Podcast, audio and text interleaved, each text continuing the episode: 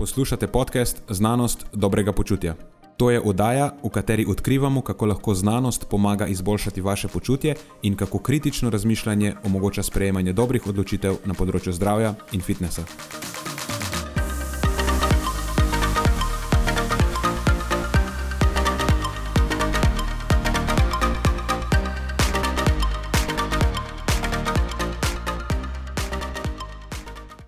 Pozdravljeni, z vami smo Nenad in moj sovoditelj Matjaš.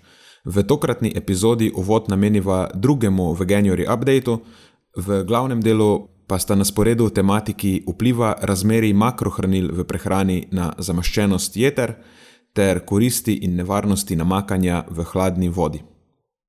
Preden začnemo, pa se moram zahvaliti še našim sponzorjem. Zaenkrat to še vedno ni velika korporacija, temveč zvesti poslušalci, ki nam izkazujete zaupanje in podporo s prijavo v našo člansko skupino Znanost dobrega počutja. Hvala vsem, ki s tem držite luči prižgane in omogočate podkastu, da raste in postaja še bolj kakovosten. Hvala tudi vsem, ki nas podpirate s pozitivnimi komentarji in visokimi ocenami, ter s tem, da priporočate podcast svojim znancem in prijateljem. Zdaj pa je končno čas za začetek epizode. Uživajte ob poslušanju.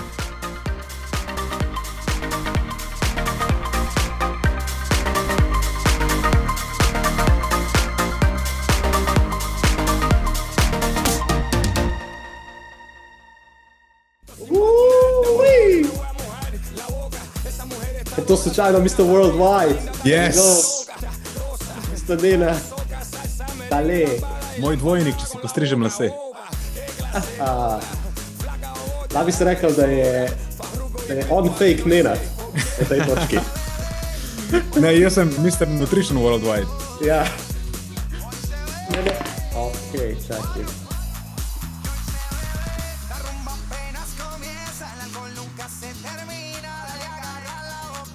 Okay, imamo vse, vse je na tiho, dobro. I am ready. Se sliši v redu? Sliši. Good. Sem še pitbulla izklopil. Na kaj pa vem, to je res esencialno. Malo ga da malo tiše. A veš, kaj so, kaj so še probala? To je, mislim, da moraš probati dobiti feedback, pa pol. Ja, če je komu zelo všeč, lahko se prijavi, pa bo naslednjič posnela ob eh, spremljavi aktualne latino glasbe. To je lahko dobra epizoda. Samo vprašanje je, tle fule nekih copyright claimov, po mojem. Bo videla, kaj se bo zgodilo. Da, sem mislil, da pitbull nov zamero. Mislim, da res ne. Ni najna poslušalska baza taka, da bi mu povzročala finančno škodo s tem, po moje. Po moje tudi ne. Pa mislim, da bi bil pitbull vesel, glede na to, o katerih stvarih ozaveščamo ljudi. Maybe. glede na njegov življenjski slog, nisem zihar. Ja, to je res. Da so mu te stvari blizu. Ja, to je res. To je res. Lej, kako je že? Never judge a book by its cover. Ok, malo resnosti. Vidim, da si na Instagramu objavil uh, vaje za Tibialis.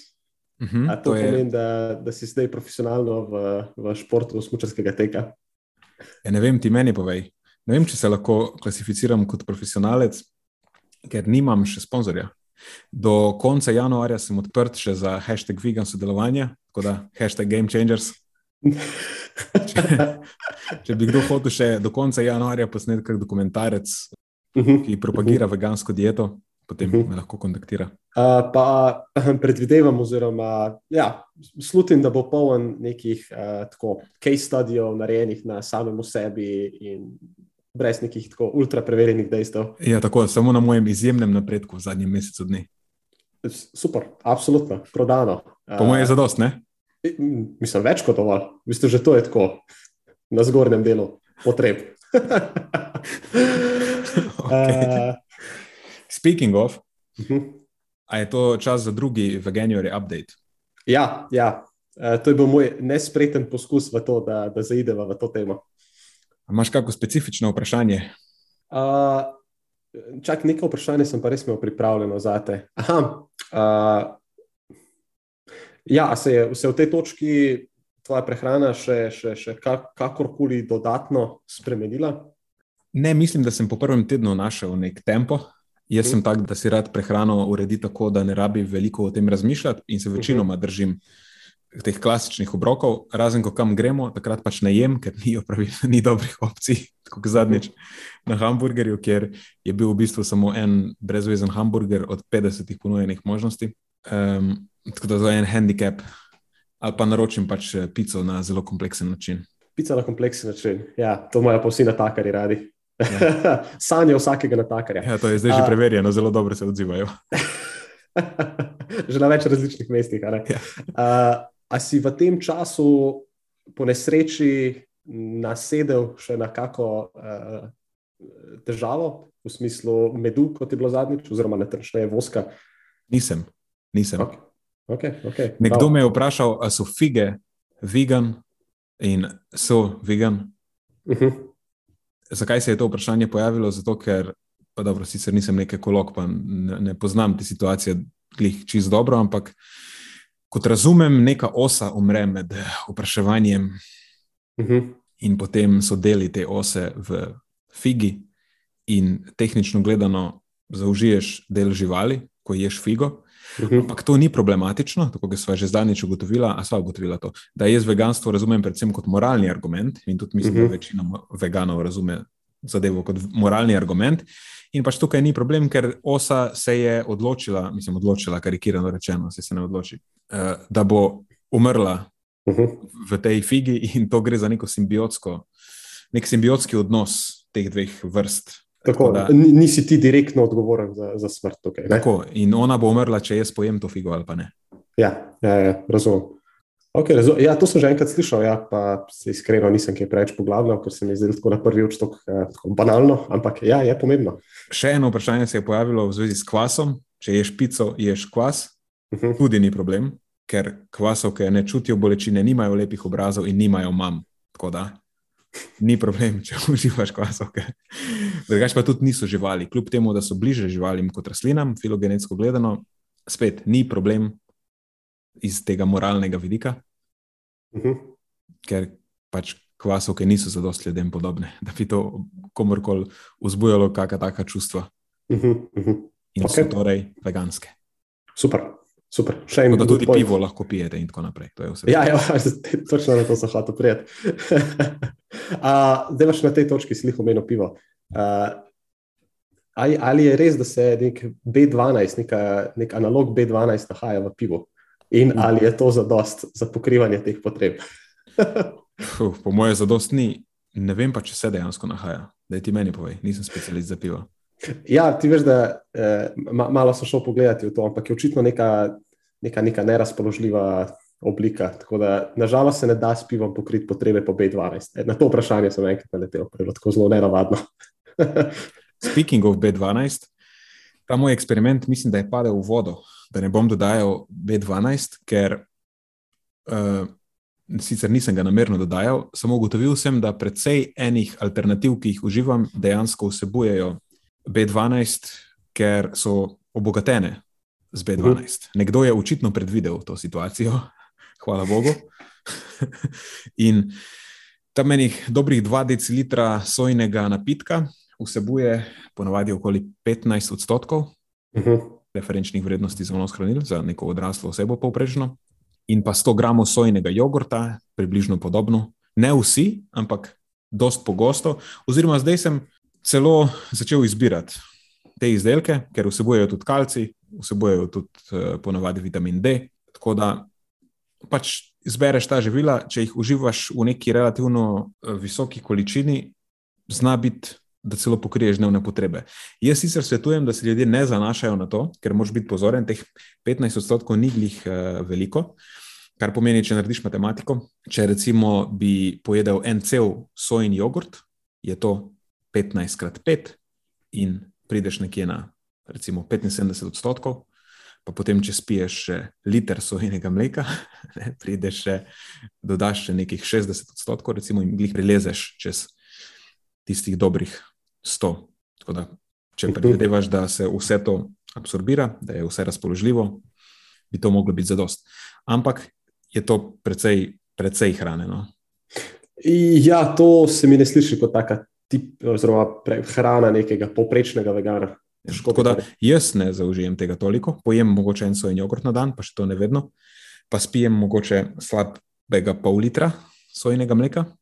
Uh -huh. Tako da ne prilezem doskrat do 100, ampak glede na to, da je moja zaloga ok in da je, če imaš dober status vitamina B12 v telesu, kar je moj evidentno bil, eh, več kot zadosten, te to lahko zdrži tam do dve leti, mogoče še več, eh, predn se začnejo pojavljati težave. Eh, sam ni glih fajn, ker ko omenjaš težave v kontekstu pomanjkanja vitamina B12, ni glih nekaj, česar si želiš, in takrat je lahko že prepozno. Tako da jaz ne bi čakal, da se ta zaloga izprazni in bi vsekakor nek dodatek z neko zmerno vsebnostjo B12 bi vseeno priporočal. Tako toplo, toplo, ne, da ne rečem zelo priporočal. Ja, to je zelo smiselno. Zdaj pa še eno vprašanje, ki se mi poraja na tem naslovu, je morda tudi oblika tega B12, ne samo v dodatku, ampak tudi v teh uh, fortificiranih živilih. Yes. Ponovadi je cianokobalamin. Um, zdaj tako je.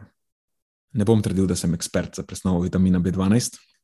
Obstajajo neke domneve, da ta cianokobalamin ne deli vseh funkcij z metilkobalaminom, ki mu lahko rečemo, da je neka glavna oblika, oziroma najpomembnejša oblika.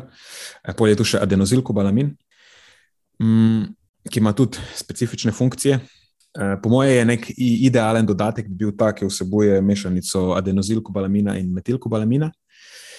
Nisem ziger, v kateri obliki je v obogatenih izdelkih vitamin B12, ampak bi predvideval, da je cianokobalamin, ker tudi večino takih bolj čip dopolnil je cianokobalamin. Um, obstaja zobna pasta s vitaminom B12, uh, eh, ki ima tudi cianokobalamin. Drugač pa, če pogledaš malo po literaturi, pa vidiš raziskave, kjer so ljudem, ki kažejo že simptome pomankanja, dodajali cianokobalamin in se je pokazalo, da cianokobalamin deluje in preprečuje simptome pomankanja. Tako da ne bi glih trdil, da cianokobalamin ne pomaga. Sam po sebi pa, ni dovolj. Ja, da sam po sebi ni dovolj. Mogoče ni optimalno, da vnašaš samo to, kaj pa je zdaj. Mhm. O tem bi mogel si malo več prebrati. Ja, Ampak ja. recimo, da se ne bom s tem ukvarjal, ker itak se zadeva izteka in bom spet začel uživati nazaj živila, ki vsebujejo vitamin B12. In glede na to, da je moja prejšnja prehrana bila tako dobra, da je moj status vitamina B12 eh, več kot očitno dober, se ne bom obremenjeval preveč s tem. Mhm. Mogoče pa je to za eno naslednjo epizodo B12. Mhm. Ja, Nekoč sem že bral o tem, ampak če sem čest iskren, sem pozabil. Uh, ne bi zdaj vedel z glave tako zelo specifično, pa podrobno o tem govoriti. Samo vem, da imata uh, adenozilkobalamin in metilkobalamin specifične funkcije, in da samo suplementacija metilkobalamina tudi ni idealna. Uh mhm. -huh. Moj, uh, moj pogled na to do te točke je bil tak, da predvideval sem tako kot ti, da se, oziroma predvidevam tako kot ti, da se v te fortificirane izdelke dodaja ciano oblika. Uh, zdaj te ciano najbrž vsak povprečen vegan potem nekaj dobi preko teh izdelkov. Tako da, če si že kupuješ dodatek, morda potem iščeš enega izmed drugih naslovov, recimo mm. metilkobalamin, pa dobiš eno tako mešanico vsega. Ne trdim pa nikakor ne, da je to optimalno ali pa bolje kot samo ciano ali kakorkoli že. Drugače pa obstajajo izdelki, videl sem jih, ki so targetirani za vegane, ki vsebujejo mešanico adenozilkobalamina in mm -hmm. metilkobalamina. In potem imajo še zraven, mislim, da je B2, a smo ugotovili, zakaj je B2. Nismo. B2 je, doskrat, ja, B2 je doskrat dodan, ampak nismo se v to poglabljali. Pa potem še kalci, pa železo, pa cink, pa take stvari. To so tako, recimo tako. hranila, ki so lahko problematična. Tako, tako. Je smiselno popaziti, preveriti, koliko jih tvoja prehrana vsebuje. Ja, ja, ja absolutno. absolutno. Ok, ne, povem pa sem še to povej. Spremljam tvoj Instagram feed oziroma storije in deliš tako zanimive recepte, recimo uh mhm. -huh. sojni koščki, pica in podobno. A je še kaj tazga, kar si v zadnjem času pričaral, pa bi bilo tako koristno za naše plant-based poslušalce? Dobro vprašanje. Kot ljudje najbrž vejo, te, ki me spremljajo, sem jaz eh, izjemen gorman in tudi eh, šef z izjemnimi sposobnostmi ustvarjanja in kuhanja. Ampak sem specializiran za recepte, ki trajajo 5 do 10 minut. Ja, ja, ja to je res. To je res. A konzerve so tvoje specialitete. ja, zdaj na konzervah sem eh, mogel malo, malo zategniti to ne, nazaj, ja, ja. ker eh, razen fižola in takih stvari, mi konzerve zdaj ne pridejo več upoštev. Sploh nekakšne ribje, to, uh mhm. -huh. ki so bile prej pogosto na meniju. No, v glavnem imam še en recept za te, In sicer gre za tofu štrudel. Uh, Ki ga ja, lahko to- narediš na sladko in na slano. Mhm. Gre pa recept tako: rabiš tri sestavine. Ajde, Ne, štiri. glavnem, en je tofu. en je tofu in vlečeno testo. Okay? Pač vlečeno testo kupiš, tega ne moreš v petih minutah narediti, nima smisla. Pač kupiš vlečeno testo in potem za filo narediš tofu, daš tofu, daš noter merco rastlinskih beljakovin v prahu, recimo vaniljevih. Zdaj, če hočeš to narediti na slano, pa sam soliš, pa daš mogoče sojin jogurt noter, bo, malo bo on the fatty side, potem tak recept, ampak lej, boš pri- pristrigel druge. No, v glavnem, vrnimo se mi k sladkemu receptu. Pomešaš merco beljakovin v prahu, rastlinskih, vaniljevih, idealno, daš mogoče malo arome še noter, malo dodat, dodatnega sladila, če hočeš, da je bolj sladko. Tofu, dodaš malo vode, da se to dobro zmiksa. Lahko dodaš neko, to, eh, neko gostilo ali pa ta, ne, neko stvar, ki deluje kot emulgator, da to malo poveže skupaj, to vodo, pa da nastane taka bolj gosta masa, recimo ksantan gumi, se dobro obnese, rabiš da čist malo, ker tudi vode ne dodajaš, fuj, samo to, da dobiš maso, da potem lahko zaviješ v to testo, pa da ohrani malo vlage, da ni gliš čist suho.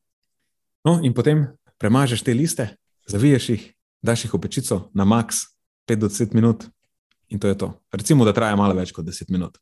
Ne, ampak tu zdaj že govorimo o receptu, ki je tako za me max effort. To je, to je high-end recept. Ja, to je Čeprav že se- kaj. Dobro, sama priprava je vse, pride znotraj nekih desetih minut, pol kaj se peče, pa to naprej, to ni več tvoja stvar. To je zdaj Ja, že, to, ja, tako. tako. To se že reče. Pa tudi pečico lahko že prej medtem ko Točno to je. Točno, mislim, tle pač ne delaš več drugih, to je pač pečica opravi potem svoje. Res je. Eh, Drugač pa imam še en recept, eh, ki spada v kategorijo športne prehrane, po moje. In sicer gre za veganski čokolino, Aha, ok, eh, ok. eh, I'm high protein. Ja, high protein. Ker eh, moram reči, da sem razočaran nad podravkom, ker sicer imajo en beljakovinski čokolino, ampak ni primeren za me, ker ima dodane sirotkine beljakovine. Tako da Mhm. pač kupiš navadnega, daš veganske beljakovine v prahu, narediš ga v sojnem mleku in trala, Zmaga. to je zmaga. Ja. Ok, ok. No, ja, to je recimo nekaj, kar bi, bi rade volje, oziroma bom rade volje testiral pred najno naslednjo vožnjo teka na spočeh. No, super.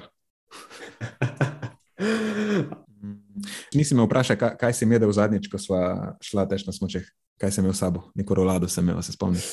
Uf, se res, tista zadeva je izgledala fina, Uh -huh. pa še drobila se ni. Ja, res Oj. je. Gre pa tako, da kupiš testo za pico, tisto že pripravljeno, valjda ga ne delaš sam. In potem v to testo za pico daš noter v sojnem napitku kuhane sojne koščke, v katere si primešal beljakovine v prahu, čokoladne v tem primeru, in si dodal malo kakava in sladilo. In dobiš tako čokoladno filo, in Mhm. potem to zaviješ v to pica testo, v, tako, v rolado, recimo, in potem hitro spečeš. In spet traja 10 minut. in imaš visokohidratni zajtrk pred telesno dejavnostjo. Reči, ta rolada je res fino zgleda. Tako ne bi znal, vsaj vizualno ne ločiti. Zdaj, tukaj je samo en ampak, tukaj je en ampak. Ne? Zdaj, teh sojenih kočkov lahko daš samo malo, ker imajo full vlaknin, ne? ni idealno glih. Tako da več daš beljakovin v prahu, teh sojenih kočkov daš samo to, da malo tekočine zadržijo, pa da še prispevajo malo beljakovin. In pol, če sem dobro preračunal, je bilo nekih, koliko je bilo to? Nekih 150 gramov hidratov je bilo. Mhm. Je bil- Je bil orenk zajtrk. Ja, ja. Pa, pa je pa je, športni zajtrk. ja, pač neka porcija beljakovine. Recimo, da je bilo slabih 50 gramov. Popa. Bomba. Zdaj pa, ne še kdo reče, da je težko dobiti te beljakovine na veganski prehrani. Ja. ne hecam se. Ne, saj se da. Sam dražje so, pa malo moraš uh, žonglirati, prava živila moraš zbrati. Mhm. Ja, ja. Moraš biti malo kulinarično Mhm. mm -hmm. nagnjen. Tako da v tem trenutku sem na polovici izziva. Aha, ja, ja, ja res je. Točno polovica je zdaj, ko to snimamo. Ja, ja, ja. Okay. Uh, kar se tiče počutja, spanja, regeneracije teh stvari, predvidevam, da ne boš opazil nekih Ne, ne izrazitih razlik, ki jih tudi ne. ne. Ja, se, se mi je zdelo. Zdelo, To je bilo v bistvu zelo težko kvantificirati, uh, z ozirom na to, kako, kam si energijo postavil in vse Mhm. ostalo. Okay. Ok, dobro. A se bomo mi dva dotaknila teh eh, glavnih tem, ki jih ima pripravljene za danes? Ja, ja, mislim, da je uvod je bil dobro speljan. Kaj si, ti, kaj, kaj si nam pripravil za danes? Jaz imam danes zamaščena jedra. Uh -huh. A če mi je začeti, ker sem se že razgovoril? Dej. Ti si že ogret. ja, danes ne bova sendviča delala, ali bom pa jaz poskrbel za spodnji kruh, pa sredino. Mm, danes bo rolada. bo pa rolada. Ja. Okay. Ta, se mi zdi, da zamaščena jedra so popularna tema, a niso? So, so, so. so. Včasih iz eh, tako neopravičenih razlogov, recimo v kontekstu kakšne fruktoze in podobnih stvari. Ampak ja, dobro si, to, dobro si to izpostavil, imam pripravljen tudi segment o tem. Okay, odlično, odlično. Uh, drugač pa, ko se pogovarjamo o zamaščenih jedrih, je veliko debate okoli tega, kako na zadevo vpliva manipulacija z makrohranili, torej kako vpliva manipulacija z deleži beljakovin, ugljikovih hidratov in maščob v prehrani. In to je dost, pa se je relevantna debata. Sploh, če govorimo v kontekstu te nealkoholne zamaščenosti jeter, oziroma po angliško je to non-alcoholic fatty liver disease, NAFLD je kratica, ki se uporablja po navadi, ker je pač a mouthful, ta cela beseda oziroma zveza. In valjda je stvar pomembna, zato ker drugače zamaščena jedra so prva stopnja na poti do nekih resnih bolezni jeter. Recimo ciroze jeter, pa karcinoma jeter. To je nekaj, kar definitivno ne želiš. Je pa tako, da debata sicer je, obstaja, je tudi dost eh, kontroverzna eh, na internetih. Dočim v literaturi je zgodba o zamaščenih jedrih v bistvu precej enostavna in je dobro pokazano, kaj ugodno vpliva in kaj neugodno vpliva na zadevo. In vemo, da so v glavnem tri poti akumulacije maščob v jedrih, ko govorimo v nahranjenem stanju. Ne bom sploh uh, podrobno govoril o tem, samo na hitro. Sta dve poti, ki se nanašata na presnovo maščob, pa ena, ki govori o pretvorbi ugljikovih hidratov v maščobe. In to po domače pomeni, da tako vnos maščob kot ugljikovih hidratov sta dva zelo pomembna dejavnika pri akumulaciji maščobe v vetrih. Um, ampak na tej točki, ne s tem se ful radi ukvarjamo, je to malo preskakovanje korakov, ker obstaja še ena pomembna in bolj temeljna konsideracija, to je energijski vnos. Ker prej sem omenil v nahranjenem stanju. Ne predvideva se, da v stanju, ko je človek eh, v energijskem ravnovesju ali pa v energijskem eh, pribitku, suficitu, torej ko je overfeeding, temu angliži rečejo, ne, ko je vnos energije višji, kot so realne potrebe. Eh, in tako vpliv maščob kot oglikovih hidratov se spremeni v odvisnosti od tega vpliv maščob in oglikovih hidratov na zamaščenost jeter je odvisen od energijske bilance zaužitih kalorij. Ker si prej omenil fruktozo, pa enostavne sladkorje na splošno. Ja, res je, v, v, v stanju overfeedinga, torej v energijskem suficitu, ne vnosu energije, ki je večji od dejanskih potreb, vnos enostavnih sladkorjev povzroči lahko akumulacijo maščobe v jetrih. Ampak v stanju energijskega ravnotežja ali pa celo v stanju energijskega primankljaja, pa tudi izjemno visok vnos sladkorjev ne bo povišal maščobe v vetrih. Toliko je zdaj že evidentno. To vemo.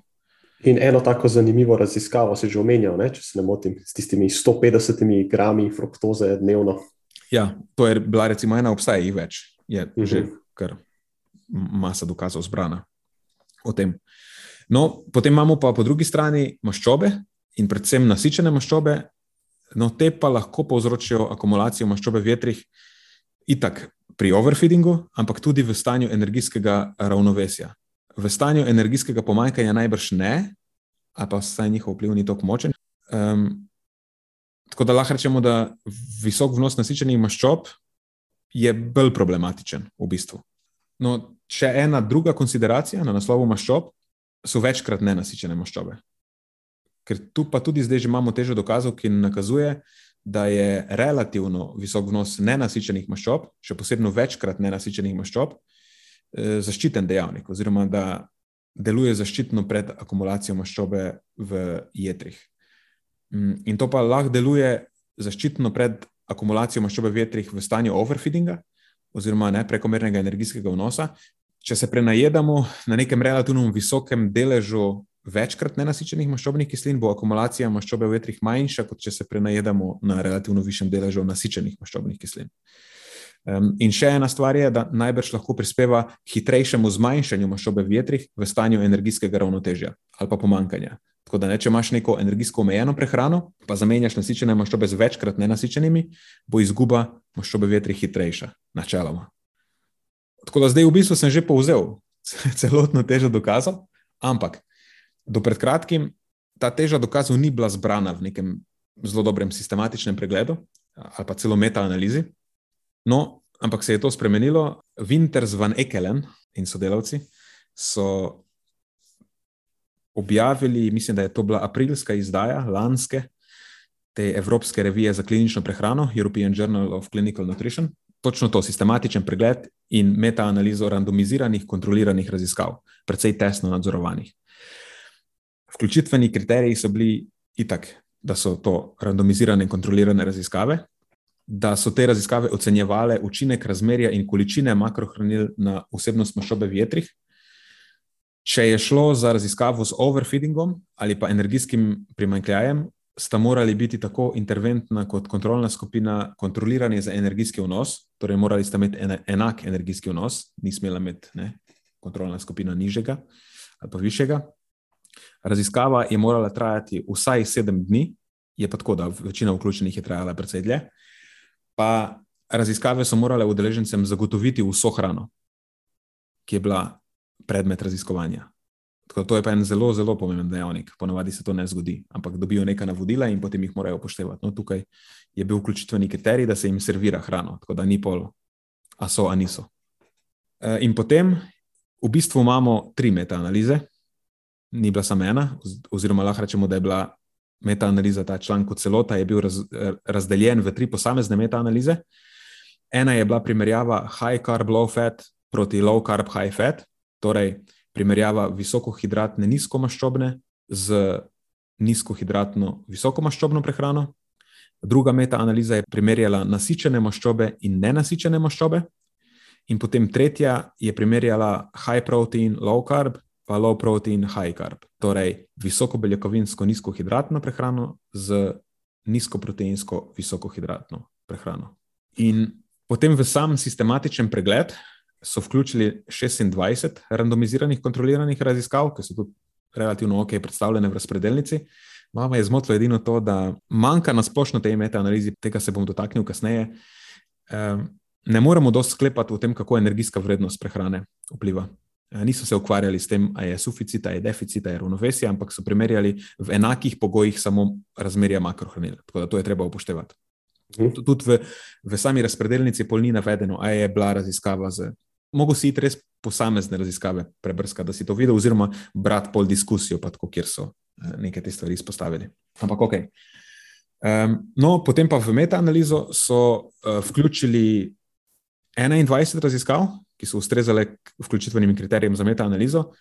Uh, pa še en plus te raziskave je, da so vse uporabljale precej uh, natančne metode za ocenjevanje maščobe v vetrih, Torej, MRI pa MRS, to je magnetno-resonančno slikanje, pa magnetno-resonančna spektroskopija. Kaj je tukaj še pomembno? Aha, no, to je še ena stvar, ki jo je potrebno upoštevati pri interpretaciji. Kako so oni definirali različne diete?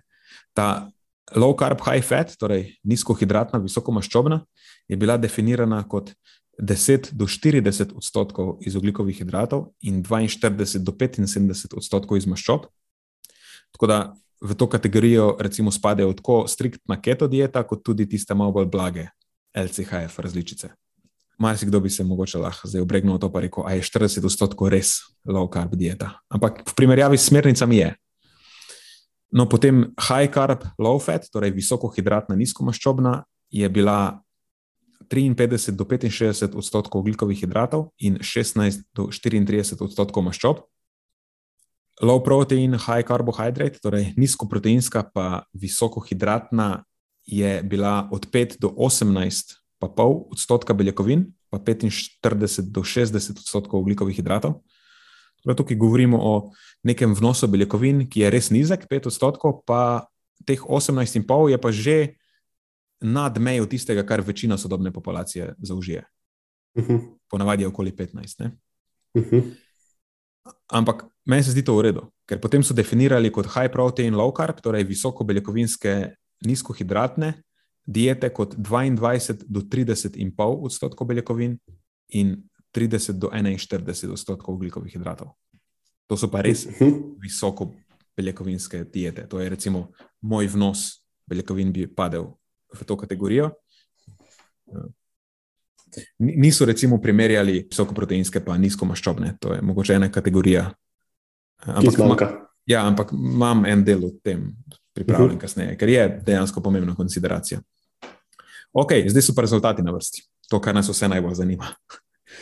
Najprej um, high carb, low fat proti low fat, high carb, ne? torej v bistvu nizkohidratnim proti visokohidratnim dietam, oziroma nizkomaščobnim proti visokomaščobnim. 12 raziskav je bilo vključenih v, ta, v to metaanalizo. Mm, tri so ugotovile prednost nizkohidratne visokomaščobne, dve sta ugotovili prednost visokohidratne nizkomaščobne, ostale so bile brez razlik med dietama, in standardizirana srednja razlika je bila efektivno nič, torej brez velikosti učinka, po angliško je to non-existent effect size. To pa po domače pomeni, da ni bilo zaznanih razlik v tej metaanalizi med nizkohidratno in visokohidratno dieto. Tako da tukaj v bistvu nima veze. Uh mhm. -huh. mm, potem nasičene proti nenasičenim, oziroma diete z visokim deležem nasičenih maščob proti dietam z višjim deležem nenasičenih maščob. Tukaj so bile samo tri raziskave, ki so ustrezale vključitvenim kriterijem. In vse so ugotovile, da nenasičene maščobe znižajo maščobo v jetrih v primerjavi z prehrano z višjim deležem nasičenih maščob, in tukaj je bila standardizirana srednja razlika minus nič cela osem, kar je pa velika velikost učinka, oziroma large effect size v korist nenasičenih maščob. To je bil tudi najmočnejši učinek v tej metanalizi. In pol še tretja, ki je primerjala visoko beljakovinske nizkohidratne z nizkoproteinskimi visokohidratnimi dietami. Pet raziskav je bilo vključenih v to metaanalizo, dve sta opazili značilen učinek visoko beljakovinske diete, pozitiven oziroma ugoden na zamaščenost jeter. Ostale niso pokazale učinka, in na koncu je bila standardizirana srednja razlika minus nič cela 33, kar je majhna velikost učinka, small effect size, v korist visoko beljakovinske nizkohidratne prehrane. Tako da visoko beljakovinska je v bistvu tista, še, ki se je pokazala kot kot koristna. Uh mhm. -huh. Zanimivo, da tako gre v nasprotju s nekim splošnim prepričanjem. ja. ja, ko govorimo o zdravju jedra, so doskrat na tapeti beljakovine. In to iz popolnoma neopravičenih razlogov. Ja, Tukaj je zdaj samo potrebno upoštevati, da oni so to zlepili skupaj, to visoko proteinsko prehrano z nizko hidratno, čim to najbrž nima nobenega vpliva. Ja, gre, ja. Za, gre za delež beljakovin. Ne, ne pa za nižji delež hidrata. Ja, tako je. Ja. Uh, se bomo povedali tudi zakaj. Najprej plusi, pa minusi, še, ki se mi zdi vredno izpostaviti, da vemo, o čem govorimo. Uh, plusi, definitivno je kupenih plusov, Sej, zato je ta zadeva vključena v ta segment, ker mi je bila všeč. Uh, vključitveni kriteriji so bili zelo rigorozni, overfeeding in deficit je bil vključen ne, lahko samo, če je kontrolna skupina imela enak energijski vnos, to se mi zdi zelo pomembno. Upravili so senzitivnostno analizo, ki je izključila raziskave, pri katerih je bila telesna dejavnost del intervencije, ker vemo, da telesna dejavnost neodvisno lahko vpliva na količino maščobe v vetrih. Uh, vključene raziskave so vse uporabljale zanesljive metode merjenja, kot smo rekli, MRI in MRS. Pa vse raziskave so bile novejše. Najstarejša je bila iz leta 2008, dejansko 22 od 26, pa jih je bilo mlajših od 10 let. Kup jih je bilo tudi mlajših kot, kot par let, tako 2019 letnice in tako. Eh, no, zdaj smo pri, pri slabostih, ki jih moramo upoštevati pri interpretaciji tega. Tako kot smo že omenili, razpon makrohranil mogoče ne bi ustrezal najbolj striktnim definicijam teh diet, ki se pojavljajo na internetih. Eh, zato so bili rezultati po posameznih skupinah, dost, po posameznih skupinah dosti heterogeni. Ne, ker recimo pri določenih raziskavah so nizkohidratno, visokomaščobno okarakterizirali z manj kot 40 odstotki oglikovih hidratov, to mogoče ni dovolj nizko. Mm, in takšna raziskava je pokazala drugačne rezultate od tiste, ki je definirana nizkohidratno, visokomaščobno, zato ker vsebuje manj kot 10 odstotkov energijske vrednosti iz oglikovih hidratov. Um, zdaj, čas trajanja, večina jih je trajala več kot 4 tedne, vsaj 4 tedne, jih je pa bilo nekaj krajših, In po mojem bi bilo idealno, če bi še na tej točki izvedli senzitivnostno analizo, ker bi potem ugotavljali, če izključitev krajših raziskav vpliva na rezultate, oziroma po domače povedano, kako trajanje raziskave lahko vpliva na rezultate. Pa, ampak zato, ki po mojem niso pol imeli za dost materijala, da bi senzitivnostno analizo izvedli tudi za energijski vnos, pa da bi poskušali pokazati, kako na učinek različnih makrohranil vpliva energijski vnos, oziroma kakšna je razlika med overfeedingom, uh, ravnovesjem in deficitom, in kako lahko tukaj mogoče pride do neke interakcije. In to je, po mojem, tudi glavna pomanjkljivost te metaanalize, uh, ker se niso ukvarjali z energijsko vrednostjo preučevanih diet. Ugotavljali so samo razlike med dietami, ki imajo enako energijsko vrednost.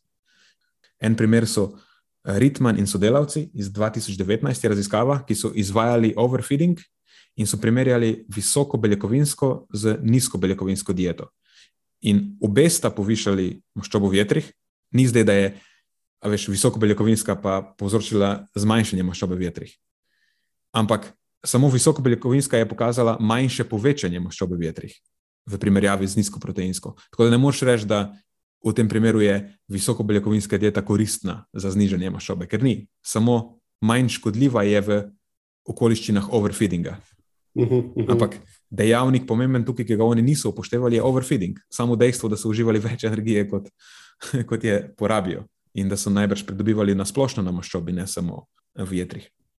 E, tako da, ja, raziskave so pač kazale, to je pomembno za izpostaviti, samo različne učinke na količino maščobe v jetrih. Na to pa je vplival tudi energijski vnos raziskovanih diet. E, sam te razlike niso bile primerjene. Tako da na podlagi te metaanalize ne moremo trditi, da so učinki neodvisni od energijskega vnosa. Lahko samo tako dosto površno sklepamo o tem, kje hranila bi bila bolj priporočena, pa kje manj priporočena. Ampak se, če to postavimo v kontekst celotne teže dokazov, ki jo imamo na tem področju, se, se lahko pokaže. Sej, zelo koherentna slika je vse skupaj. Ne? Če to primerjaš s tistim, kar so prej rekla, kar je že znano, so rezultati v bistvu pričakovani.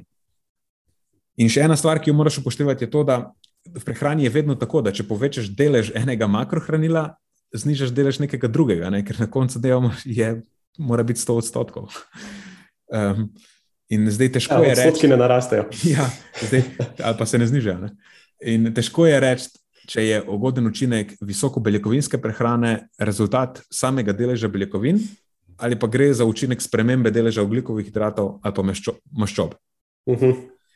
In na tem področju je še ena raziskava vključena, to je Proof, raziskava Breja in sodelavcev, tudi iz leta 2019, ki je primerjala diete z različnimi deleži beljakovin, 5 odstotkov, 14 odstotkov, pa 25 odstotkov, v kontekstu overfeedinga in konstantnega vnosa oglikovih hidratov.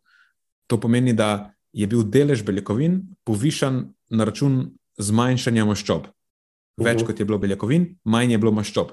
In oni so ugotovili, da je nižji vnos beljakovin pokazal največje povečanje količine maščobe v vetrih, ker spet je šlo za overfeeding. Ne. Več uh mhm. -huh. beljakovin, kot je ta eh, prekomerna dieta vsebovala, manjšo je bilo povečanje maščob v vetrih. Ampak zanimivo je, da oni so učinek pripisali visokemu deležu uh, maščob v tej prehrani, ne nizkemu deležu beljakovin. Ne, dočim, Aha, potem, ja, ja, že omenjeno raziskavo Ritmana in sodelavcev, ki so pa primerjali 25 odstotkov beljakovin z 15 odstotki beljakovin, spet v okoliščinah overfeedinga, ampak pri njih je bil pa podoben vnos oglikovih hidratov in, in maščob. In so ugotovili, da je višji vnos beljakovin povezan z manj akumulacijo maščobe v vetrih. In v tem primeru bi pa lahko rekli, da gre za učinek višjega vnosa beljakovin. Tako da vedno je potem potrebno upoštevati ta kontekst. Ampak če potegneš črto, ne slika, ki se pokaže, je ta, da je najbrž koristno imeti višji vnos beljakovin, pa nekoliko nižji vnos maščob. Zdaj, v katerem koli kontekstu, zdaj, če itak poješ preveč, je tudi to stvar, s katero se moraš ukvarjati, ker moraš znižati energijski vnos. Dočim, če ga znižaš, pa začneš izgubljati maščobo, če imaš prekomerno zamaščenost, če je to tvoj problem, bo to še dodatno koristno. Ne? In potem, tudi če imaš v teh okoliščinah prehrano, ki vseboje manj maščob, pa več beljakovin, je to lahko še dodatno koristno. To je zdaj samo hipoteza z moje strani, uh -huh. ki sicer ni glih na pamet, je na podlagi literature. Um, in to je to. No? Zdaj, Sej, tukaj smo že zašla v vode relevantnosti, eh, kako je to praktično relevantno, oziroma kakšna je praktična aplikacija tega. pa če dava vse skupaj v nek kontekst celotne teže dokazov na tem področju. Um, če začnemo pri overfeedingu, raziskave načeloma nakazujejo na neko hierarhijo učinkov na akumulacijo maščobe v vetrih. In nasičene maščobe imajo največji neugoden učinek, naj najbolj pospešijo akumulacijo maščobe v vetrih. Potem sledijo enostavni sladkorji, in spet tukaj izpostavljam, da gre za okoliščine overfeedinga, kjer nekdo poje več energije, kot je porabi, in pridobiva na splošno na maščobi, ne samo v jetrih. In potem v bistvu ne vemo, kako ta overfeeding. Oziroma, učinke overfeedinga moderirajo beljakovine, pa na splošno ugljikovi hidrati, oziroma za beljakovine lahko sklepamo, da celo delujejo malo zaščitno. In na zadnje so potem večkrat nenasičene maščobe, ki kažejo bolj očiten zaščitni učinek. Potem naslednje, če govorimo v kontekstu energijskega ravnovesja, tukaj odpadejo enostavni sladkorji, nehajo kazati neugoden vpliv. Ne govorimo v, o okoliščinah, kjer oseba vzdržuje zdravo telesno maso. Takrat sladkor ni več problematičen. So pa še vedno problematične nasičene maščobe, oziroma ne na splošno nasičene maščobe, ampak prekomeren vnos nasičenih maščob, temu bi pa na podlagi literature lahko rekli, oziroma lahko bi postavili mejo na 10 odstotkov skupnega energijskega vnosa. Tudi če oseba uživa prehrano, ki je v energijskem ravnovesju, bo imel vnos nasičenih maščob višji od 10 odstotkov skupnega energijskega vnosa, najbrž neugoden učinek na ta cel proces. Lahko privede do akumulacije maščob v vetrih. Um, da ne omenjam, da ima pol tudi lahko neugodne učinke na kardiometabolno zdravje, oziroma na, na srčno-žilno zdravje in na uh, tveganje za razne srčno-žilne zaplete kasneje v življenju. No, potem pa pridemo do energijskega deficita oziroma pomankanja. To je pa situacija, v kateri oseba zgublja maščobo. In to je pa že samo po sebi neodvisno od makrohranil, povezano z znižanjem količine maščobe v vetrih. Ker ti, ko zgubljaš maščobo na splošno, pa je zgubljaš tudi iz jeter, vse je logično. In tukaj je zdaj en ampak, kar se tiče nizkohidratnih diet. Mogoče se bo pokazalo, da so nizkohidratne diete na začetku bolj učinkovite pri znižanju maščobe v vetrih, ko govorimo v okoliščinah energijskega pomankanja. Torej, če nekdo uživa eh, energijsko revno prehrano, pa zgublja odvečno maščobo, zna biti, da bo izgubil več maščobe v vetrih, če je njegova prehrana tako malo bolj on the low carb side. Ne pomeni, da mora biti keto dieta, samo nekje tukaj pod mejo 40 odstotkov mogoče. Mhm. Edino vprašanje je, kako dolgo ta učinek dejansko ostane relevanten, ker na dolgi rok mislim, da ni razlike med nizkohidratnimi in visokohidratnimi dietami. Um, ampak eno stvar je potrebno upoštevati. Ponavadi, kako si ljudje predstavljajo nizkohidratno prehrano? Maslo, jajca. Ja. Olje, vse to. Um, mislim, da si jo predstavljajo kot visoko nasičeno maščobno prehrano. Ja, doskrat se točno to zgodi. Da tudi če je energijsko omejena ta prehrana, vsebuje veliko nasičenih maščob. In ne verjamem, da ima taka prehrana pa lahko prednost pred prehrano z višjo, višjim deležem ugljikovih hidratov. Oziroma, kot dokazi kažejo, zaenkrat bi lahko rekli, da potem taka prehrana ne bo več imela tako ugodnega učinka, oziroma da celo lahko zavre izgubo maščobe v vetrih. Uh mhm. -huh. V primerjavi z energijsko omejeno prehrano, ki je recimo više na ugljikovih hidratih, pa ima višji vnos beljakovin. Uh mhm. -huh. In uh, ja, zdaj, če probujemo povzeti z nekimi tako uh, destiliranimi priporočili. Um, ena stvar je to, da v nasprotju s splošnim prepričanjem večine ljudi, uh, ki ob zamaščenih jedrih najprej pomislijo na fruktozo ali pa sladkor. In ok, v redu, v stanju overfeedinga ali pa ne, prekomernega vnosa kalorij, sladkorji sicer lahko pospešijo akumulacijo maščobe v jedrih, ampak to ne drži v stanju energijskega ravnovesja in absolutno ne drži v stanju energijskega pomankanja. In bolj pomembno se je ukvarjati z nasičenimi maščobami v prehrani, ki ob prekomernem vnosu lahko močno prispevajo k akumulaciji maščobe v vetrih, eh, pa tudi v stanju energijskega ravnovesja, pa še bolj v stanju overfeedinga, pa res pospešijo zadevo. Uh mhm. -huh. Tako da prehrana, ki se zdaj za znižanje maščobe v vetrih izkaže kot najboljša, ne, ki, je, pa, ki izgleda na podlagi trenutne teže dokazov kot najboljša, je energijsko omejena prehrana ali pa energijsko uravnotežena, če ima oseba že normalno telesno maso. Uh, In prehrana z višjim deležem beljakovin, recimo okoli 25 odstotkov in višjim deležem nenasičenih maščobnih kislin. Jaz bi tukaj spet hipotetiziral, da je to vnos maščob, skupen vnos maščob med 30 in 20 odstotki skupnega energijskega vnosa, in da je levji delež teh maščob iz večkrat nenasičenih maščob, in da je zelo malo nasičenih maščob. In potem na drugem ekstremu imaš pa najslabše, ne, to je pa energijsko prekomerna prehrana, z beljakovinami pomanjkljiva, pa z višjim deležem nasičenih maščobnih kislin, eh, kar je v bistvu keto prehrana, ki je sicer doskrat upevana kot nekaj, kar lahko zelo koristi znižanju maščobe v vetrih, eh, ampak to samo v primeru, da je res energijsko pomanjkljiva, pa da je taka vrsta, ki ne vsebuje veliko nasičenih maščob, kar je po mojem redkost. Eh, no, še slabše je pa to, da se taki prehrani doda še vis, eh, visok vnos enostavnih sladkorjev. Na tej točki pa potem v bistvu pridemo do sodobne vzhodne prehrane, torej neke prehrane povprečnega posameznika, in mislim, da je jasno, zakaj imamo danes vedno večji problem z zamaščenimi jedri v populaciji. Ja, točno to. Ker dobesedno sodobna zahodna prehrana je prehrana, ki je najslabša za zdravje jeter. Dobro. Uh, že dolgo nismo govorili negativno čez keto dieto. Mislim, da je že skrajni čas, da se je kaj ta zgodilo. Pa tudi uh, mislim, da si doktor Lustiga si najbrž tudi razizil kot velikega zagovornika uh, te fruktoza, antifruktoza propagande. ja, to je, uh, on je zagovornik alternativne fiziologije, alternativne biokemije. Tako. On pač živi v nekem svojem svetu. Mm. Pro, prostora za alternativno biokemijo in fiziologijo, pa na tem podkastu žal ni. Nažalost, ni. Ja. Uh, v prvi vrsti sem vesel, da se moja strategija prenajedanja, takrat, ko pride do tega, predvsem za visoko beljakovinskimi živili, dobro obnese, ne samo za telesno sestavo, kot vemo, ampak očitno tudi za kakšne druge parametre. Uh, nisem vedel, da je iskreno nekaj novega za me, ampak tako kot si predstavil, se v bistvu sliši zelo smotrno, ne, ker se gre najbrž za uh, izrinjanje ven nekih drugih makrohranil. Um, kaj me zanima? Uh, v bistvu si ogromno omenil, ne, od energijskega vnosa do pač, posameznih makrohranil, beljakovin in tako naprej. Kaj pa alkohola? Je bila tudi neka taka stvar, ki je bila omenjena v tem kontekstu? Ali je to sploh pomembna konsideracija v primeru nekega zmernega uživanja alkohola? Um, ali pač? Ja, zelo dobro vprašanje. V tem članku ni bil alkohol omenjen, uh mhm. -huh. bo pa to še en dejavnik, ki bo ne, neugodno vplival. In, in po vsej verjetnosti spet, uh, the dose makes the poison, plus v odvisnosti od ja. um, nekega stanja, energijskega stanja. Ja. Okay.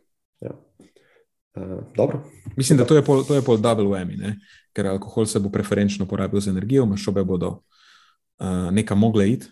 Oziroma, uh mhm. -huh. potem bo, če si to pravimo tako res karikirano predstavljati, um, ta prekomeren vnos, delež tega prekomernega vnosa bo še bolj na račun maščob. Uh mhm. -huh. Ker bo pač alkohol ne, je preferenčno porabljen za energijo. Uh mhm. -huh. ja, ja, zdaj pa. Če, če k tistemu, kar si prej dodal, um, dejstvu, zakaj imamo v sodobnem svetu toliko težav z zamaščenostjo jeter, uh, dodamo še ta alkohol v igro, ker mislim, da smo znani po tem, da eh, ne šparamo ravno z alkoholom. Potem mislim, da to je še en tak košček sestavljanke. Ja. Plus to, da alkohol že sam po sebi nima najbolj ugodnega učinka na zdravje jedrne. Ja, tako, ja, tako. Neodvisno od vsega drugega. Neodvisno od česar koli drugega. Ja. Ok, super. Okay. Nadaljujemo z ja. rolado. Jaz sem zdaj vdihnil, jaz sem zdaj vdihnil. Uh mhm. -huh. Veganska rolada se nadaljuje. Tako da prosim. Okay. Uh, dobro, iz uh, zamaščenosti jeter se premikamo na hm, rekel, plavanje ali pa namakanje v mrzli vodi. Zdaj ne vem, zate ne ampak meni se zdi, da je v zadnjih letih ta stvar postala izjemno popularna, še posebej s porastom takih Wim Hof in podobnih metod. Uh, In zelo pogosto se te tehnike promovirajo v stilu, da so nam dobre za imunski sistem, za nižanje vnetnih stanj, da postanemo bolj robustni, oziroma manj dovzetni za razne bolezni. Tako, tako da se mi zdaj smiselno, da bi naslovili to temo, oziroma si pogledali, kaj znanost tukaj pravi. Podobno bi se lotil te stvari, kot smo se v prejšnjem podkastu, tako da par različnih raziskav imam v igri, odkot črpam podatke. Uh, Patreoni tako ali tako dobijo vse te vrsta bonus material, da vam lahko rečem. Uh, ampak vseeno, ena izmed tistih uh, osnovnih člankov, od katerih pa črpam te podatke, je pa uh, pregledni članek Tiptona in sodelavcev iz leta 2017, naslovljen Cold Water Immersion, Kill or Cure. Tak predvsej zanimiv pregledni članek, ki predstavi vse od uh, pa vse od zgodovinskega ozadja takih praks, pa nasloviti tiste najpogostejše tematike, povezane z plavanjem oziroma z namakanjem v ledeni vodi. Tako da, evo, če kar skočimo noter v to. Uh, mogoče lahko začneva uh, z zgodovinskim ozadjem, ker meni se je zdelo zanimivo, da v zadnjih letih pogosto slišimo uh, o namakanju v ledeni vodi in podobno, ampak v bistvu ta stvar ni, ni nič novega ta, ta ideja, da ima lahko plavanje v zelo hladni vodi neke koristne vplive na zdravje. Eh, zanimivo pa je, da se raziskave na tem področju odvijajo že vse od leta 1790. Takrat je dr. James Curry uh, začel raziskovati fiziološke vplive potapljanja v mrzli vodi in pa hipotermije. Uh, sicer ima ta začetek uh, podnarekovaj pravega znanstvenega raziskovanja tako malo temačno ozadje, zato ker ta dr. Curry uh, je namenil velik delež svojega raziskovalnega dela temu, zato ker je doživel nesrečo pri plovbi, ker se je velik delež njegovih uh, kolegov dejansko potopilo v mrzli vodi. Potem ga je pa zanimalo, ne, kaj so dali skozi, kaj se dogaja v telesu v takih situacijah in podobno. No, ampak kakorkoli že, mogoče ne smemo zanemariti tudi dejstva, da imajo nekatere. Države, v bistvu že kulturno zakorenjene take prakse, ne, predvsem uh, države, kot so Finska, Rusija, Švedska, Norveška, uh, Estonija, Latvija in podobno. Vemo, da so tam ljudje, ki zelo pogosto prakticirajo take stvari. E, in pa zanimivo dejstvo je tudi to, da je ta ideja, da naj bi plavanje v mrzli vodi bilo koristno za zdravje in za imunski sistem, nekaj, kar se je propagiralo že proti koncu 18. stoletja. Ta ideja je bila razširjena v nekaterih državah, kjer so nekateri celo priporočali plavanje v mrzli vodi, še posebej po zimi, čež da ne bi bilo koristno, da, da zgradi karakter in da nas naredi bolj robustne. da, da, zdaj, da zgradi karakter, mogoče že res, ampak nisem pa prepričan, oziroma si bomo pogledali v nadaljevanju, kako koristna je ta dejansko lahko praksa. Uh, zdaj pa mislim, da preden nadaljujemo, mogoče dobro, da definiramo, kaj sploh pomeni uh, mrzla voda, ker neke uniformne definicije tudi v literaturi ni. Eh, ampak najpogosteje zasledimo članke, kjer uh, se uporabljajo temperature okrog 10 do 15 stopinj Celzija. Uh, vemo pa seveda, da obstajajo taki norci, ki se redno kopajo tudi pri bistveno nižji temperaturi, ampak vseeno, samo da imamo neko tako osnovo, od katere lahko potem uh, gradimo to zgodbo dalje.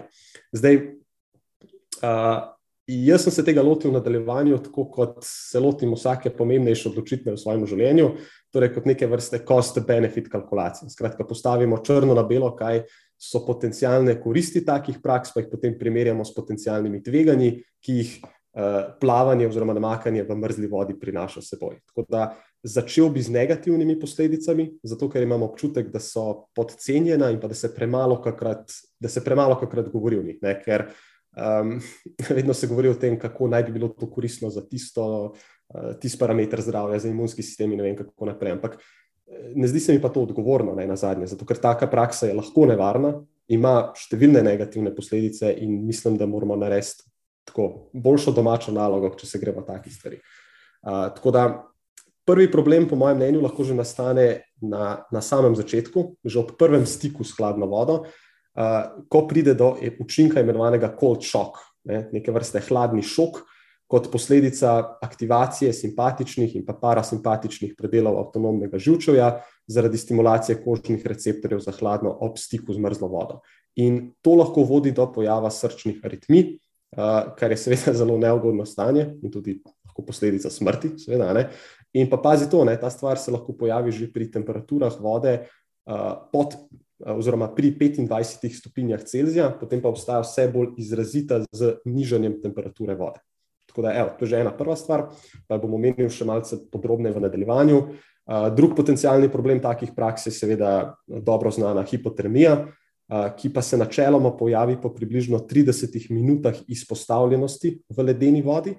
Um, in um, Težave, ki lahko pri tem tudi nastanejo, so seveda ozebline, zato ker človeško telo zmrzne pri minus 0,55 stopinja Celzija, dočim morska voda, kjer se pogosto odvijajo take prakse, ali pa recimo kakšna uh, jezerska voda, pa načeloma zmrzne tam nekje v povprečju minus 1,5 pa minus 2 stopinje Celzija, zato ker je v rahlem gibanju.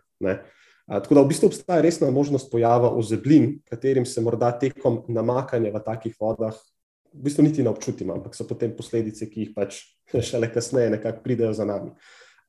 In naslednja stvar, poleg ozeblin, pa je še ena stvar, ki se reče non-freezing cold injury, oziroma poškodba, ki nastane zaradi ledene vode, ki pa ni posledica ozeblin. In patologija teh poškodb ni zelo dobro poznana, oziroma zelo dobro definirana, se pa običajno pojavi lahko že ob kratkotrajni, pa seveda tudi dolgotrajni izpostavitvi mrzli vodi. In te posledice so lahko trajne in se izkazujejo v obliki povečane občutljivosti na hladno vodo in zrak, uh, na splošno. In se gre v bistvu za neozdravljivo bolečino, ki se potem pojavi po različnih predeljih telesa. Tako da spet, nekak, ni, ni heca s tem. Um, in pa seveda zadnji potencijalni problem pa je nekaj, kar je tudi večkrat bilo že zabeleženo do sedaj, vsaj v primeru prakticiranja takih zadev za, za gušt, po narekovaj, kot posledica drugih stvari, pa seveda še pogosteje, in to je seveda smrt. Ne? Nekateri so v preteklosti dejansko umrli zato, ker so se šli takih stvari. Tako da obstaja resna nevarnost, ni se zahecati. Um, in posledica, oziroma vzrok smrti je lahko različen. Uh, občasno je to zaradi srčne artmije, ki sem jo omenil čisto na začetku, kot ena izmed teh posledic, lahko je tudi na račun hipotermije, in tako naprej. Skratka, pač resna stvar. Ne, ne morem tega dovolj poudariti, da, da je treba vzeti te stvari v upoštev. Ok, zdaj pa mogoče še druga stran te cost-benefit kalkulacije. Kaj pa so te potencijalne koristi, ki se tako opevajo? Ja, je kaj na tem ali ne? Um, ena stvar je to, da uh, imamo zabeleženo nekaj, kar se mi zdi za 99,9 odstotka populacije popolnoma irrelevantno, ampak bom vseeno omenil. In to je, da subjektivno gledano postanemo bolj robustni na hladno. In pa običajno postanemo tudi boljši v zdrževanju diha do določene mere, kar je povezano predvsem z kapaciteto pljuč, ki na nek način doživi tak držljaj pod to hladno vodo. Ne bi se tle spuščal preveč v mehanizme, ker sem brez veze, pa tudi spet irrelevantno je za večino izmed nas. Razen, če imate občutek, da se boste kdaj znašli v situaciji, kjer boste pač mogli zadržati svoj dih pod vodo za par sekund dlje, kot pa sicer. Posel je tukaj neke posebne situacije, kjer bi ledena, hladna voda lahko prišla v poštev, ampak to so predvsem v športnem aspektu. Recimo v primeru, da nam je regeneracija športnika bolj pomembna od adaptacije, potem koristimo kakšne take kratkoročno obdobje hlajenja, uh, ampak spet tukaj moramo biti pozorni na samo aplikacijo, kdaj to koristimo, ker liberalna uporaba takih tehnik oziroma strategij skozi celotno leto zagotovo ne bo koristna. Uh, ker bo ta ledena voda dejansko preprečevala to, da napredujemo tako hitro, kot bi si sicer želeli, ker ima negativen vpliv na samo adaptacijo na športni proces, uh, oziroma niža te unetne procese, ki prihajajo po intenzivni vadbi. Um, in pa, če smo že pri nižanju nekih unetnih stanj, tudi glede nižanja drugih unetnih stanj, vezanih predvsem na zdravje, zdaj, ne pa na zmogljivost, tudi ne moremo predlagati potapljanja oziroma um, hlajenja v mrzli vodi, ker raziskave tega enostavno ne podpirajo. Ne. Tudi vprašanje je, zakaj bi si v osnovi sploh želeli nižati unetje. Unetje ni vedno slaba stvar, ne samo v prej omenjenem športnem kontekstu, ampak kot smo z Nenadom že govorili na tem podkastu, imam čutek že neštetokrat, da ni vse samo dobro ali pa samo slabo. In enako velja za umetje. Tudi če bi nam lahko vplivali s potapljanjem v ledeni vodi, pa več kot očitno ne moramo, vsaj raziskave tega ne podpirajo. Potem je tukaj še ena športna zadeva in sicer obstaja strategija, ki se ji reče pre-cooling, ki se upravlja pred tekmami, ki so upravljeni na zelo visoki zunanji temperaturi. Uh, spet mehanizem, kako to poteka, pa zakaj bi bil koristen, se mi zdi nekaj, kar bi bila stvar tega podcasta, ker ponovno za 99,9 odstotka populacije nekako ne pride prav, oziroma ne pride v poštev. Uh, je pa nekaj, kar se uporablja v nekih specifičnih primerih. Potem je pa tukaj še ta famozni vpliv na imunski sistem. In tle bom zelo kratek in jedrnat, ker podobno kot za unetje, tudi tukaj ne moremo vzpostaviti nekih posebnih koristi potapljanja v vodi. Zelo pogosto se celo zgodi, da raziskave zaznajo nasprotni učinek, torej negativen vpliv na imunski sistem oziroma markerje delovanja le tega po hlajenju v ledeni vodi in tako dalje. Tako da, če, če potegnemo črto, mislim, da tako kot pri večini stvareh, pač mrzla oziroma ledena voda je lahko v nekih mejnih situacijah koristna, lahko je neuporabna, lahko pa je celo nevarna. Ne? Čisto odvisno od situacije in od aplikacije. Zagotovo pa ne morem reči, da je vas hype okoli mrzle oziroma ledene vode upravičen. In mislim, da se res premalo krat govori o teh potencijalnih negativnih vplivih, celo smrtonosnih posledicah, ki jih imajo take prakse, eh, oziroma ki jih take prakse prinesejo s seboj. Bi rekel, da je to kompleten pregled. In če narediš skozi benefit kalkulacijo na koncu in dodaš, da je stvar neprijetna, Skrajno neprijetno. uh, ja, se spomnim, da smo to prakticirali na kakih pripravah. Uh, zdaj vidim, zakaj, ker takrat smo imeli tudi po tri treninge dan. Uh, ok, si nekako predstavljam, zakaj smo takrat se tega lotili, ampak absolutno se spomnim, kako, kako zelo neprijetna je ta stvar. In, uh, ne bi se tega lotil še enkrat. Umenil si vpliv na imunski sistem. Uh mhm. -huh. Pred časom se še vedno je najbolj popularna ta Wim Hof metoda.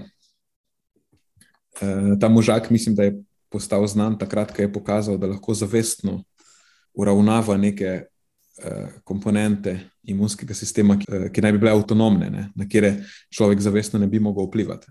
E, če se prav spomnim, so ga dozirali z nekimi, e, kaj so bili lipopolisaharidi. Uh mhm. -huh.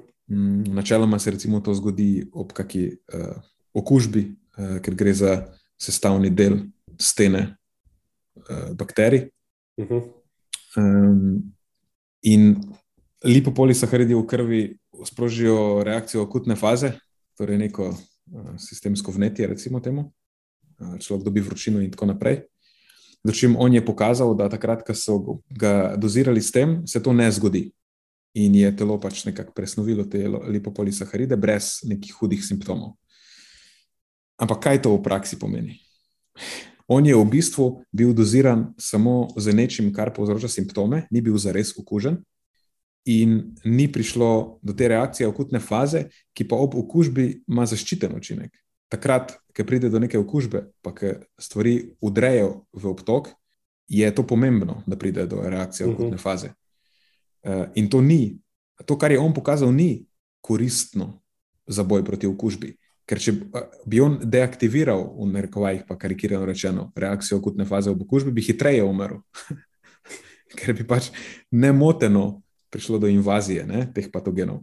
Uh -huh. um, tako da to je v bistvu praktično nerelevantno, oziroma je lahko celo škodljivo. On je samo pokazal, da očitno so neke komponente uh, imunosti tudi pod zavestnim nadzorom, če je nekdo na nek način poseben treniran, ali pa mogoče je on samo nek outlier, ampak dočim ni, se mi zdi, ker je pokazal, da lahko to on nauči tudi druge ljudi. Samo to ni koristno. Zdaj, ker si ti bolan, če uporabiš to v narekovajih moč, se zajebeš. Uh mhm. -huh.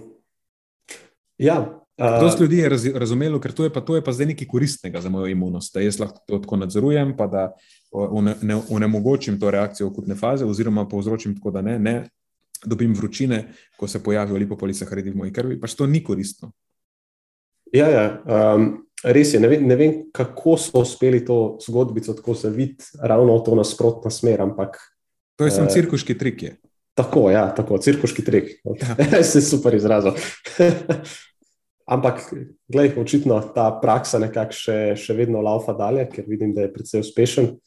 Um, ampak, kdorkoli to posluša, če ste se slučajno sprašvali, kdaj je na tem naslovu, lej, ne vem, nikomor ne bi tega priporočil, res, brez veze se mi zdi.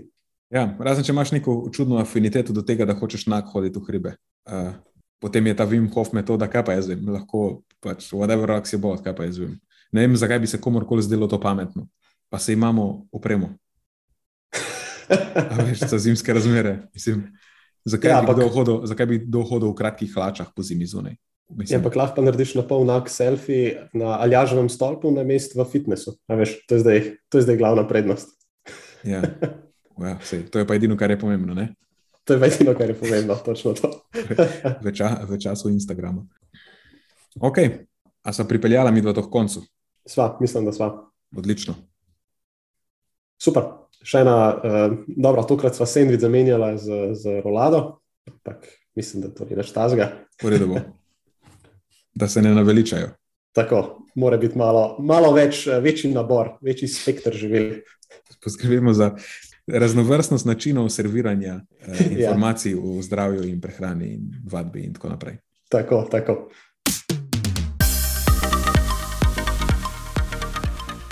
To je za tokrat vse iz naše strani. Hvala, ker ste poslušali do konca. Delite epizodo s svojimi znanci in prijatelji in jo priporočajte dalje, saj s tem omogočite, da sporočilo znanost dobrega počutja doseže čim večjo množico. Hvala vsem, ki nas podpirate s članarino in tudi vsem ostalim, ki delite podcast dalje in nam izkazujete naklonjenost z visokimi ocenami in pozitivnimi komentarji. Se slišimo prihodnjič, do takrat pa ostanite premišljeni.